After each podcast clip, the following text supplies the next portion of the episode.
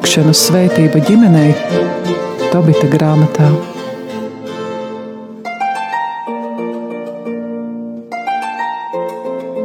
Slavēts Jēzus Kristus. Mūžīgi mūžos slavēts. Studijā Stela un Anģela. Kā atkal turpinām mūsu ceļojumu vecajā derībā.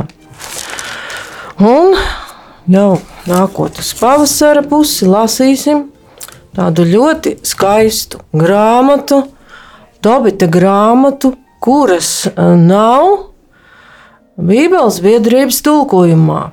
Bet, katoļu kanonā viņa ir. Un tā viņas ir pierasts saukt par deuterokanoniskajām grāmatām. Tātad Tobita grāmata pieder pie deuterokanoniskajām grāmatām un nav visos kanonos. Un kāpēc tā? Izrādās, ka līdz mums ir atnākuši tikai teksti grieķu valodā, tā kā senebreju teksts, vai pat aramiešu valodā, ja viņa bija rakstīta, viņa līdz mūsdienām nav atnākusi. Kā pazīstamais ir septiņas tulkojums grieķiski ap 250. gadu pirms mūsu ēras, tā tad ir šī grāmata satiekama. Un viņa ir arī vulgātas kanonā, tas ir svētā hieronīma veiktais Bībeles tulkojums latīņu valodā, kas ir tapis 4. 5. gadsimtā jau mūsu ērā. Nosacīti varētu teikt, ka grāmata pieder pie vēsturisko grāmatu žanra, bet tur ir ļoti daudzas lietas, kas attiecas jau uz gudrības literatūru. Varbūt kāpēc um, būtu vērts šo grāmatu lasīt un to iepazīt. Kāpēc Anģela tu izvēlējies viņu? Jo vairāk tas bija Anģels rosinājums viņu lasīt. No, nu, es uh, lasīju šo grāmatu, un man patika ļoti lūkšanas, un kā cilvēki var kopā lūgties un uh, būt vienoti lūkšanā un uh, Dieva pielūgsmē. Jā, paldies! Tad Anģela atrada, ka tā ir ļoti skaista grāmata, un es arī redzēju, ka tur ir klātesoša lūkšana. Un vēl kāpēc arī man tas likās svarīgi, īpaši mūsdienu kontekstā, ka tas ir ģimenes stāsts. Tas ir stāsts par laulību, par paudžu attiecībām, par to, cik šīs liela ģimene, kur dzimtā atbalsta cits citu, kur kopā lūdzas, cik tas ir būtiski. Kad ir ļoti svarīga šī ģimene, kopā ar lūkšanu. Ģimene bez lūkšanas, bez dieva klātbūtnes nevar īsti pastāvēt. Mēs redzam, kā notiek, ja ģimenē nav dieva klātbūtnes, mēs pat trešo rezultātu redzam. Un 2011. gadā Benedikts 16. 3. augusta katehēzē, uzrunājot cilvēkus, tieši katehēzē pa lūkšanu, aicina lasīt šo Tobita grāmatu, kura stāsta par ģimenes un laulības nozīmi. Jo, diemžēl, jāatzīst, ka kristietībā pat it kā tajos ziedu laikos, um, pat viduslaikos laulība netika īsti novērtēta. Tāpat baznīcas dokumentu līmenī tika atzīta kā zemāka iepratī reliģiskai bezlaulībai. Bet vecajā derībā laulība, vecāki, bērni brāļi, māsas. Tas ir ļoti būtisks šīs dzimtas attiecības dažādos rakursos un virzienos. Un kā jau Anģela teica, šeit ir ļoti būtisks moments, ka klātesoša ir lūkšana. Tā ir ģimene, tā ir dzimta, kas lūdzas. Un mēs redzēsim, ka tieši ar lūkšanu un dieva klātbūtni tiek šajā dzimtā, tur ir tēvs, tur ir dēls, kas apņem sievu, ir tēvam sieva, tātad dēlam jau ir sieva, vēl daudzas un dažādas tur ģimenes locekļus un vēl dažādas citas cilvēkus redzēsim, ka ar dieva klātbūtni, ar viņa piesaukšanu lūgšanā tiek atrisinātas ļoti grūtas problēmas. Nu, nedaudz tas vēsturiskais ieskats, kas varbūt nevienmēr ir tik interesants un patīkams. Grāmata varētu būt sarakstīta ap 3. gadsimtu pirms Kristus, robežās no 2. līdz 4. gadsimtam. Nu, kur varētu būt tapusi par to ir dažādas diskusijas. Erets Izraēla teritorijā varētu būt pat izrēliešu diasporā Eģiptē. Nu, par to paliek jautājums atklāts, kur viņa ir tapusi. Bet pats stāsts norisinās Asīrijā, Ninīvas pilsētā, par ko mēs varam pat izlasīt Tobita grāmatā 1, 10. Jo tur tā tad ir ziņas par šo tobitu, kur šis taisnīgais cilvēks eh, dzīvo. Pēc tam, kad sākās gūstniecība un es tiku aizvests gūstā, nonāca Nīnivē, un visi mani brāļi un pārējie no manas dzimtas sēda no pagānu maizes. Tad, tad par to vēl vēlāk mēs runāsim, kāpēc tur ir tā pagānu maize tik svarīga un kā viņš no tās nēda. Tā tad tas varētu būt noticis ap 8. gadsimtu pirms Kristus, kad izrēliešu karaļvalsts ir sagrauta un iedzīvotāji aizvesti gūstā uz Asīriju. Kā jau Es izlasīju no Tobita grāmatas, tur bija šis uh, min, uh, vārds minēts, ka Tobits aizvests ir uz Ninīvi, par šo Asīrijas galvaspilsētu. Vārds, viņa vārds nozīmē Tobijah, kungs ir mans labums. Tā kā personu vārds tas ir minēts vēl dažās vietās, nepārāk bieži, bet nu, varam paskatīties, kur tas ir.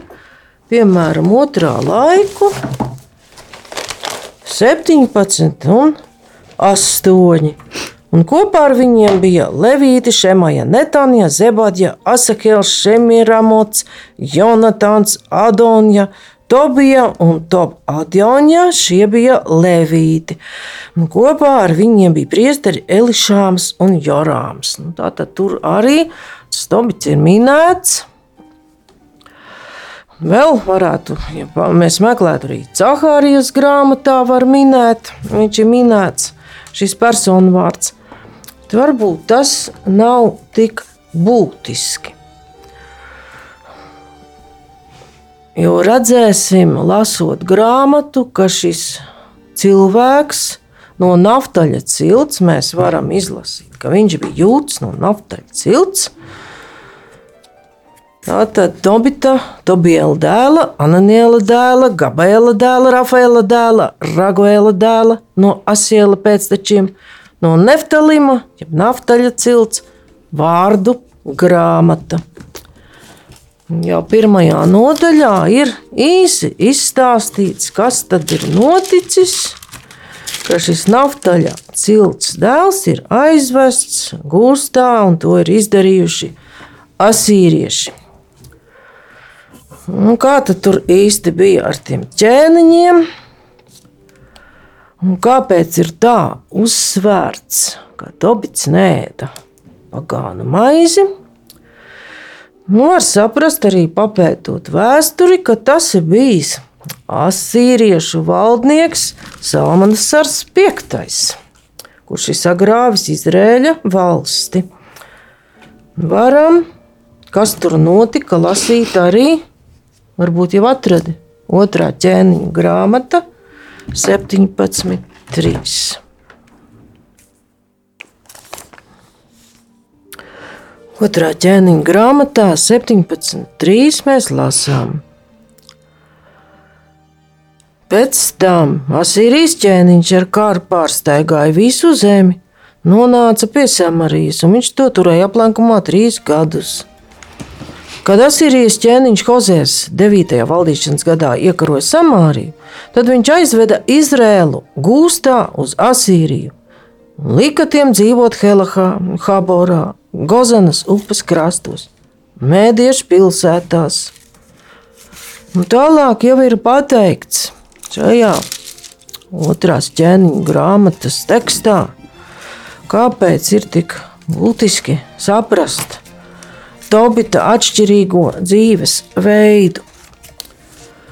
Un notika, ka Izraēla grēki, bērni bija grēkojuši pret to kungu, savu dievu, kas tos bija izvedis no Ēģiptes un atsvabinājis no faraona, Ēģiptes ķēniņa rokas, un tie bija godājuši citus dievus un darījuši pēc citu tautu paražām, kuras tas kungs bija izdzinis Izraēla bērniem ienākot, un pēc Izraēla ķēniņa pāražām, kā tie bija darījuši.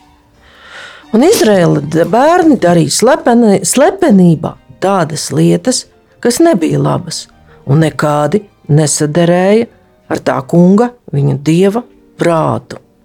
Un tālāk jau ir apraksts, ko viņi tur darīja.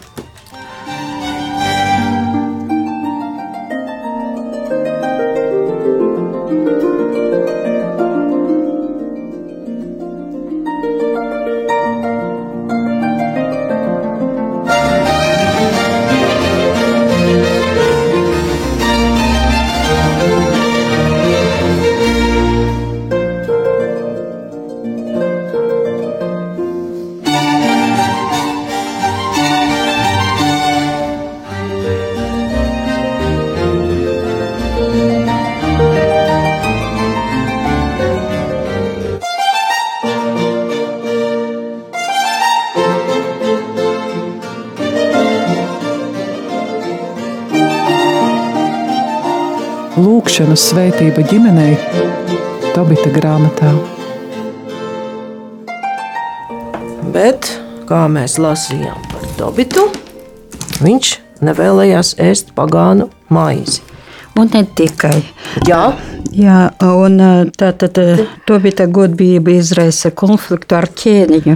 Un mēs mazliet varam izlasīt no Tobita grāmatas visas manas dzīves dienas.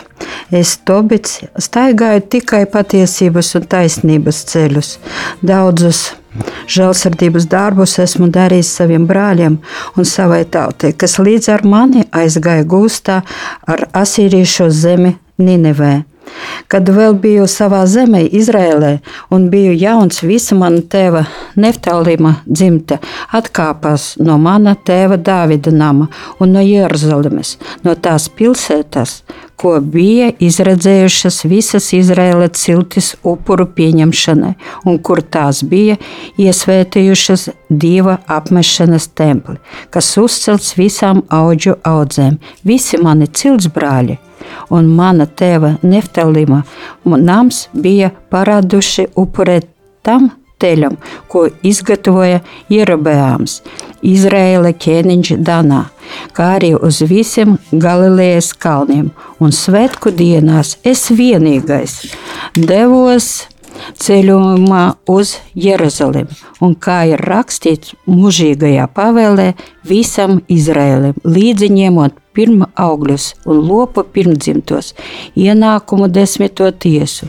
un nāvju pirmcirpumu, bieži aizskrēja uz Jeruzalemi un nodeva tos ārana dēliem, priesteriem, upurēšana un graudu un vīnu un eļļas un granātābulu un vīgu un citu augļu desmito tiesu nodevu Levija dēliem, kas kalpoja Jeruzalemē.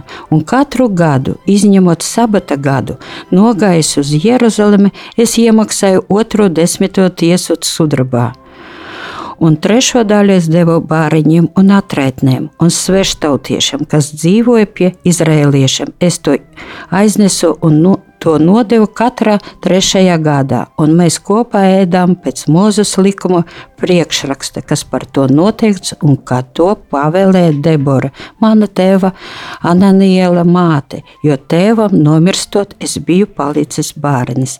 To visu Tobits stāsta par savu dzīvi. Jā, ka viņš bija uzticams Dievam un ka bija arī gūstā, viņš vienalga bija viņam uzticīgs un un, un, un glāba visus savus brāļus un apglabāja, ja viņi bija neapglabāti. Un tā viņš dabūja to rētu vai no slimību acīs, pēc kā viņš palika Akls, neredzīgs. Jā, neredzīgs. Bet pagaidām vēl mazliet pastāvēsim uz vietas, ja pat nepabeidzām vēl vēsturisko. Jo te tiešām tā ir, ka Tobits krīt ķēniņa nežēlastībā. Un, ja mēs atcer, tagad ejam atpakaļ pie šī apraksta, nu, mums nebūs tāds tik daudz laika pie katras vecās derības teksta. Atgriezties, Tobits pilda vecās derības dieva likumus, kas ir doti Pentateihā, kur mēs arī atrastu, piemēram, Levītu grāmatā, arī izceļošanas grāmatā, kā ir jārūpējas par nabagu, kā ir jāupurē kungam, ka viņš visu to izpilda, neskatoties uz to, ka pārējie viņa ciltsbrāļi gandrīz par viņu, jā, viņi pat te smejas. Un te par tiem ķēniņiem ir tā, ka tas Salmas Nalmanasars piektais, kurš iekaroja Izrēlu, nu, kā teikt, tautas valodā runājot, vēl ir bijis tīri normāls, un ar viņu Tobitam izdevās sadzīvot labi, un var teikt, ka arī ne ka tas nav paša Tobita. Viņš atzīst, ka tas nav viņa nopelns. Jo, ja mēs lasām Tobita 1.12, kad nu, es biju savu dievu tā pieminējis no visas sirds, augstākais man piešķīra žēlastību un labvēlību Salmana sara priekšā, un es kļuvu par viņa tirgotāju. Tātad sākotnēji tieši šis iekarotājs, Salmans V, ir Tobitam labvēlīgs. Bet Salmans nav mūžīgs. Viņš tiek, cik nu pēc vēstures, tiem datiem var saprast, tiek nogalināts, jās nogabal, nogalināts. Saglabā, un, un vietā nāk cits valdnieks, kurš ir nelabvēlīgs Tobitam. Un viņš zaudē šo labvēlību un nonāk diezgan teikt, diezgan traģiskā situācijā. Un te ir minēts, kā to bija apglabā mirušos. Ja? Un, ja es atradu kādu tautieti mirušu, nomest ārpus nimiņas noriem, es to apglabāju. Es apglabāju arī tos, kurus Sanherības nogalināja. Un tas ir Salmanas ar piektā pēctecis, kurš vairs nav labvēlīgs un pie kura varēja diezgan tā nonākt ar apsūdzībām. Un, ja lasām tālāk šeit, tad arī ar to sanharību te viņu vēl kāds cits no, no, nomaina. Tālāk arī vēl kāds cits nomaina.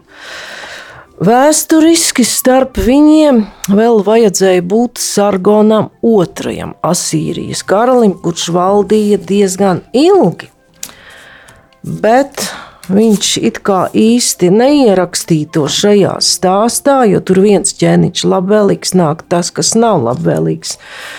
Jo Sargons II nebija zvērisks pret iedzīvotājiem un centās asimilēt tautas un dot līdzīgas tiesības arī jūdiem un citām iekarotajām tautām, kāds bija asīriešiem. Bet lai arī viņš valdīja tur kādus 11 gadus, tas viņa veikums nav tik nozīmīgs, jo nāk citi valdnieki, kuri tik tiešām ir uzbrukoši un uzbrukoši cilvēkiem, kuri dzīvo savā reliģijas tradīcijā. Nu, šeit mēs varētu vēl atgriezties, varbūt eh, atgādināt par to, ko darīja Tob, eh, Tobits, ja kādas žēlsirdības darbi viņa bija veikti. Ja. Arī varam eh, lasīt paralēlas vietas no jaunajā derībā evaņģēlijā, Lūkas evaņģēlijā 11. nodaļā. Tātad 39. pāns un kungs tam sacīja, tagad jūs farizēji šķīstat, kausa un bļodas ārpusi, bet jūsu iekšpuse ir pilna alkatības un ļauna. Jūs nejēgas, vai tas, kas radījis ārpusi, nav radījis arī iekšpusi, labāk izdaliet to, kas iekšpusē, žēlastības dāvanās, un redzi, viss jūsos būs šķīsts. Un 12. E, nodaļā Lūkas evanģēlijā mēs varam lasīt Dievu vārdu. Pārdodiet savu mantu un izdaliet žēlastības dāvanās. Dariniet savu naudas makus, dariniet sev naudas makus, kas nenodilst, neizsīkstošu mantu debesīs, kur nec zāglis tiek klāt, nec kodis to sagrauž Kur jūsu manta, tur būs arī jūsu sirds. Paldies! Tas bija Lūkas evanģēlijs. Jā, tas bija Lūkas evanģēlijs. Mēs varam paskatīties, kā, kā tas skan arī Mateja evanģēlijā, jo arī tur ir izvērstākā veidā vēl tieši tas, teikts un ietilpst šis aicinājums rūpēties par tuvāko un nekrāt šo laicīgo mantu. Mateja evanģēlijā Kalnas, tā sauktajā kalna uzrunā, Kalnas sprediķī. Un tas sasaucas arī ar to, ko saka Tobits, ka Neftalim nams bija paraduši upurēt tam teļam, ko izgatavoja Jerabējams, bet Jerabējams jau to teļu bija taisījis faktiski kā tāda kopija, jeb teikt, replika par to zelta teļu, pa kuru mēs varam lasīt izceļošanas grāmatā, un kurš tik tiešām simbolizē tādu pieķeršanos laicīgajam labumam. Jēzus savā kalna sprediķī saka tieši arī par to, ko nu jau lasīja Anģela. Bet tur ir tas sestā nodaļā un 19. pantā un tālāk. Nekrājiet sev mantas virs zemes, kur kodas un rūstās maitā, un kur zagļi rok un zog, bet krājiet sev mantas debesīs, kur nekodas nerūstās nemaitā, un kur zagļi nerok un nezog. Jo kur ir tava manta, tur būs arī tava sirds. Un tā tad naftaļa cilts piederīgajiem bija sirds pie šī teļa, zelta teļa un bija sirds pie savas mantas. Un tālāk Jēzus saka, miesas spīdeklis ir acis, ja nu tava acis ir skaidra, tad viss tava miesa būs gaiša, bet ja tava acis ir nevesela, tad visa tava miesa būs tumša. Ja tad gaišums, kas tevī ir tumsība, cik liela būs tumsa, neviens nevar kalpot diviem kungiem. Viņš vienu ienīdīs un otru mīlēs. Ja viņš vienam pieķersies un otru atmetīs, jūs nevarat kalpot dievam un mantai. Tad arī Matejs, Matejs ir šos vārdus, šo Jēzus mācību skatījis par ļoti būtisku. Tātad divi evaņģēlisti to ir nodevuši mums, lai mēs to varētu saprast. Un arī šeit varētu izlasīt vēl no Mateja evaņģēlija 25. nodaļas. 35. pants, jo es biju izsalcis, un jūs devat man ēst. Es biju izslāpis, un jūs devāt man dzert. Un es biju svešinieks, un jūs mani uzņēmāt. Es biju kails, un jūs mani apģērbāt. Es biju slims, un jūs mani apraudzījāt. Es biju cietumā, un jūs nācat pie manis. Tad taisni viņam jautās, kungs, kad mēs esam tevi redzējuši, izsalkušu un esam devuši ēst, vai izslapušu un esam devuši dzert? Kad mēs esam tevi redzējuši kā svešinieku un uzņēmuši, vai kailu un esam apģērbuši? Kad mēs esam tevi redzējuši slimu vai cietumā un esam nākuši pie tevis? Un ķēniņš tiem atbildēs: Patiesi es jums saku, visu, ko jūs esat darījuši vienam no šiem maniem vismazākajiem brāļiem, jūs esat man darījuši. Paldies! Un šeit ir tieši saskaņ, saskan šis teksts ar šo Mateja evaņģēlī 25. nodaļu, jo Tobitā 1.17, kā arī Anģeli jau to lasīja, bet atkārtosim to vēlreiz. Jā, pats no 16. panta salmanas ar dienās es veicu daudz žēlsirdības darbus saviem dzimtas ļaudīm.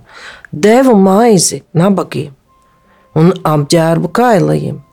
Un, ja es atradu kādu sev tautiet mirušu un nometu ārpus Ninivas mūriem, es to apglabāju.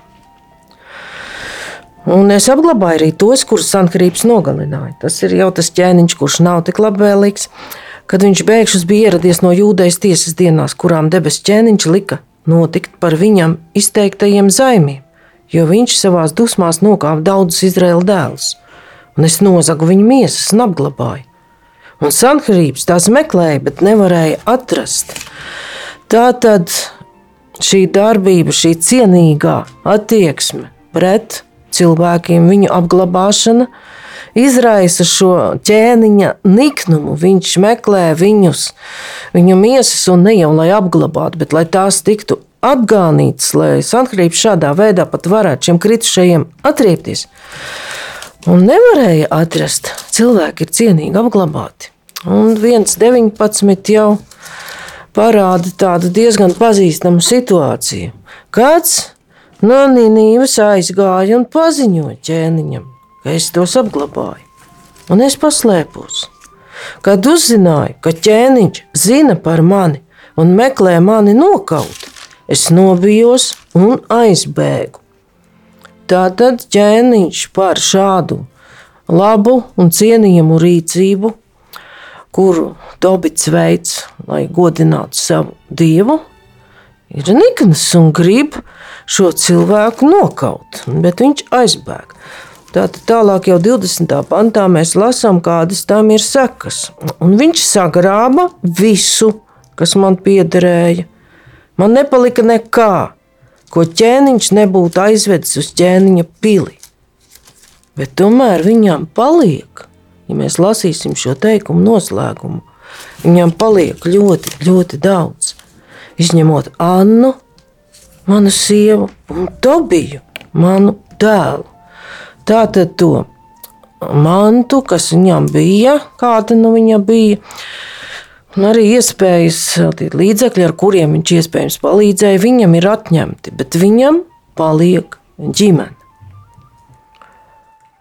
Tad šeit arī mēs redzam, ka Dievs tomēr ir labvēlīgs un paglābj pašu svarīgāko, jo ne, nevarēja zināt šiem austrumu despotiem, kāds būs prāts. Viņš varēja arī likt šos piedarīgos nogalināt, bet, nu, acīm redzot, neizdarīt to.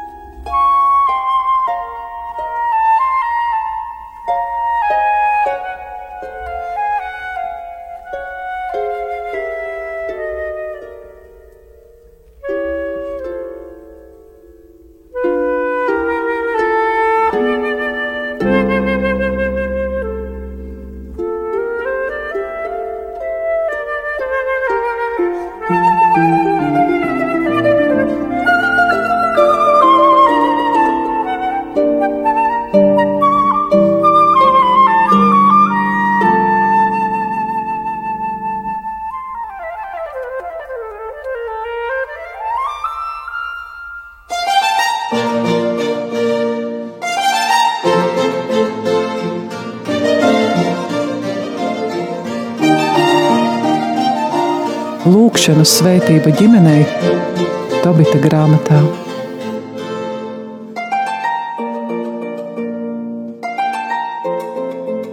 Un, ja mēs lasām tālāk, tad eh, pēc, eh, un nepagāja ne 40 dienu, līdz viņu nokāva divi viņa dēli, kuri tad aizbēga no Arat, uz Ararata kalnu, un pēc viņa sāka valdīt viņa dēls Seherdons. Viņš iecēla Ahihāru, mana ciltsbrāļa Anēla dēlu, par visas valsts rēķinvedi un pārvaldnieku. Tad Ahihars iestājās par mani, un es varēju atgriezties Ninivē, jo Ahihars bija, pie asiriešu ķēniņa Sanherība galvenais dzērienu devējs un zīmogredzena glaba Tais un pārvaldnieks un rēķinvedis, un Sahedrons viņu iecēla par savu vietvaldi. Mans brālēns bija no maniem radiem, un tā Dievs žēlsirdīgs, un tas, kas bija pret uh, ķēniņš, bija nelabvēlīgs. Viņš tika nogalināts. Jā. jā, viņš nogalināts 40 dienu laikā. Jā, un, un, un, un Tobits varēja atgriezties un turpināt dzīvot Ninivē. Jā? Jā, paldies! Veikt savus žēlsirdības darbus. Jā, un vēl ir zināmas paralēlis ar mūsu iepriekšējo grāmatu, ko pētījām Esteras grāmatu, kad arī caur tādiem nu, cilvēkiem, kuri ir tev pazīstami, vai draugi, vai radi, ka Dievs viņus virza uz tām vietām un pat ķēniņa tūmā, kur viņi var saviem ciltsbrāļiem palīdzēt. Kā arī Estere nonāca pie ķēniņa Artakserksa un varēja izglābt savu tautu, tā arī šeit šis Ahihārs var palīdzēt Tobitam turpināt veikt viņa labos darbus. Un redzam to, ka tas 40 dienas ir diezgan zīmīgs skaitlis, tāds noslēgts cikls, ka Tobits ir tāds kā izdzītais, viņš ir izdzīts nabadzībā, teikt, nekurienē no savas ierastās dzīves. Un ka viņš to ir izturējis, situācija mainās. Un redzam, ka šis ķēniņš pa savu ļaunprātību cieš šīs sekas, viņš tiek nogalināts. Nu, interesanti ir tas, ja mēs skatītos vēsturisko, varbūt es nemācēju atrast to transkripciju, ka tādu tieši Saherdona vārdu es neatradu. Iespējams, ka vārds tiek izrunāts savādāk, bet tajā laikā šāda ātra ķēniņu nomaiņa nebija retums. Varbūt, ka aiz šī vārda ir domāts arī tas sargons. Otrais kaut gan tur vēsturiski secība bija citādāk, jo tas ir izturējies pret pavalsniekiem neatkarīgi no viņu piedarības labi. Un redzam, ka šis Ahihārs ir ļoti augstā amatā. Viņš ir dzēriendevējs, galvenais zīmogra glabātājs. Viņa rokās ir ķēniņa administrācijas aparāts, viņš to pārvalda. Un zīmola gradzena glabātājs tas jau bija ļoti augsts amats, jo ar zīmola gradzenu ķēniņš apstiprināja savus rīkojumus. Ja rēķina vedis, tā tad viņš bija atbildīgais arī par valsts kasi, un Sahardons iecēla par savu vietvaldi. Tā tad faktiski vietnieks. Un uz šo brīdi Tobita situācija šķiet, ka ir bijusi atrisinājusies, ir bijusi laba. Bet jau nākamajā reizē, lasot grāmatu tālāk, redzēsim, ka neskatoties uz to, ka viņš cītīgi pilda kunga likumus, arī viņa dzīvē pienāk diezgan grūti pārbaudījumi. Jo kopumā grāmatai ir trīs daļas. Reiz mēs lasām pirmo daļu, kurā ir pirmā līdz trešā nodaļa, un stāsts par Tobitu, viņa godprātību un negaidīto aklumu. Tālāk, otrā daļa, kas ir no 4. līdz 11. nodaļai, tur mēs lasīsim par Tobita dēla Tobija dzīvi, viņa ceļojumu uz Mīdiju pēc tēva lūguma, arī par tēva izdziedināšanu, ka viņš atgriezīsies, un arī par laulību. Trešajā nodaļā, kas ir tāds trešā daļa, no 12. līdz 14. nodaļas, jau vēstīja par dzimtas tālāko likteni un kunga žēlastību. Vēl mēs iepazīsimies šajā grāmatā arī ar eņģeli Rafaelu, tad drusciņi ieskatīsimies arī tajā, kas varētu teikt, kāda ir ebreju eņģeļu hierarhija. Un redzēsim, ka tur darbojas arī ļaunais gars, un nedaudz ieskatīsimies arī, arī tajā sistēmā un atziņās, mācībā, kāda ebrejiem ir par šo tumšo pusi. Bet tas jau būs nākamreiz. Šodien paldies par uzmanību. Studijā bija Stela un Anģela.